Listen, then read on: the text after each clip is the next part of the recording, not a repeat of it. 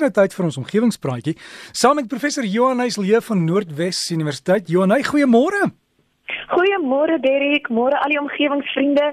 Ja, Derek, ek val vanoggend sommer weg om aan te sluit by verlede week se gesprek oor elektrisiteit en vanoggend gesels ons nou spesifiek oor die sonkragstelsels. Wat ons deesdae sien al hoe meer populêr raak. So sommer net interessant op ons omgewingspraatjie Facebook bladsy se meningspyl het daar 86% van persone aangedui dat hulle op die oomblik oorweeg om hulle wonings oor te skakel op hierdie sonkragstelsel. As die koste baie Dit dit word al hoe beter dat die die kostes in verhouding tot dit wat jy reeds betaal word kompeterend en dit word regtig 'n opsie. Dit is hoekom so baie mense dit op die oomblik oorweeg. Die ander ding is volgens die VN se omgewingsprogram is Suid-Afrika een van die wêreld se beste plekke vir die opwekking van sonkrag. Juis omdat ons so baie sonskyn daar het. So Suid-Afrika het 2500 ure sonskyn per jaar teenoor Europa wat byvoorbeeld 1000 ure sonskyn per jaar het. So vir Suid-Afrika en vir plaaslike huishoudings sou sonkrag regtig 'n goeie oplossing kon bied. En dis nou veral so midde hierdie beerdkrag wat nou weer toegepas word, maar ook omdat sedert 2008 het die eerste beerdkrag is toegepas en ons het al verskeie Eskom tarief ehm um, stygings gesien. Wat beteken sonkrag is regtig nou al hoe meer kompeterend wat ook prys aanbetref. So die kostes van die sonkragstelsels het die afgelope paar jaar beduidend afgeneem. En son as jy son sonkrag dis nie net vir jou war, warm water nie, dit word ook gebruik om krag op te wek en te spaar in batterye, né?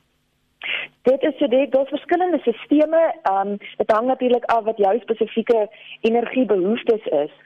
Ehm um, maar Ja, die data van die Afrika Klimaatprojek wys dat in 2016 was daar gemiddeld van 31000 sonpanele per uur geïnstalleer oor die wêreld. So dis regtig duidelik sonkragstelsels is drasties aan die toeneem en is duidelik die rigting waarin ons gaan begin beweeg. Maar ek het gedink vanoggend het ek om so 'n paar wenke te gee vir persone wat nou hierdie sonkragstelsels tuis oorweeg. Um ek ek voel ek moet daarom dankie sê vir 'n hele paar mense Derek wat gehelp het om hierdie inligting te verifieer. So dis prof Nick Albert, um ou uh, professor in omgewingsbestuur by die Universiteit van Pretoria. 'n kollega van my, Corneel Skabord, senior dosent in chemiese ingenieurswese en dan het 'n hele paar plaaslike groen energie kenners genader, maar spesifiek vir Karel Venter en Etienne Spalmers en die boodskap wat eintlik baie duidelik van almal afkom is ons moet baie deeglike huiswerk doen oor die verskaffer eerstens en dan ook die betroubaarheid van die produkte. So op die oomblik is daar 'n klomp entrepreneurs in die sonkragbedryf. Ehm um, omdat verskaffers dan ook dikwels hulle sisteme verskillend adverteer, kan dit misleidend wees. En dit kan ook 'n baie groot prysverskil beteken.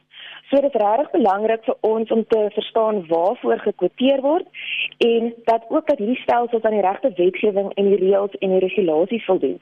Veral ook as mens dan nou dink aan die versekerings wat aan hierdie stelsels gekoppel word. So die prys van die sonkragstelsel word grootliks bepaal deur die tipe sonselle en dan nou die omsetter en die batterye en dan nou saam met dit die instaleringskoste. So hierdie elemente moet saam beplan word vir die optimale uitset. So 'n voorbeeld te gee, die produksie van 'n stelsel het byvoorbeeld met die hoeveelheid sonpanele te doen en nie met die grootte van die omsetter nie. So 'n stelsel wat 'n 3 kVA omsetter het, maar net 1 kW piek vir sonpanele word soms verkoop as 'n 3 kW stelsel, maar wat heeltemal misleidend is en as mense nou 'n ander kwotasie by 'n ander verskaffer sou kry vir 'n 3 kW stelsel, behoort die prys dan meer as dubbel te wees.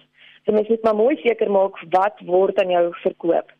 Natuurlik die volgende belangrike stap nadat mense aan jou betroubare verskaffer en jou produkte geïdentifiseer het, is dan om 'n energieaudit te doen, so wat jou daaglikse energiebehoeftes bepaal.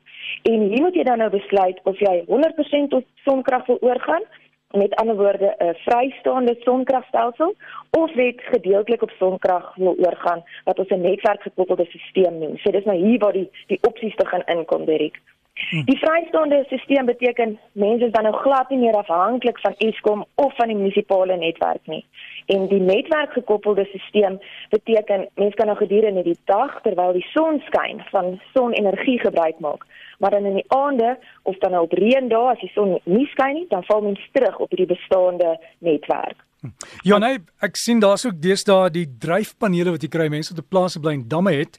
Hulle sê dit help dat die water nie verdamp nie, die panele dryf bo op die water en in die proses kry hulle krag daaruit.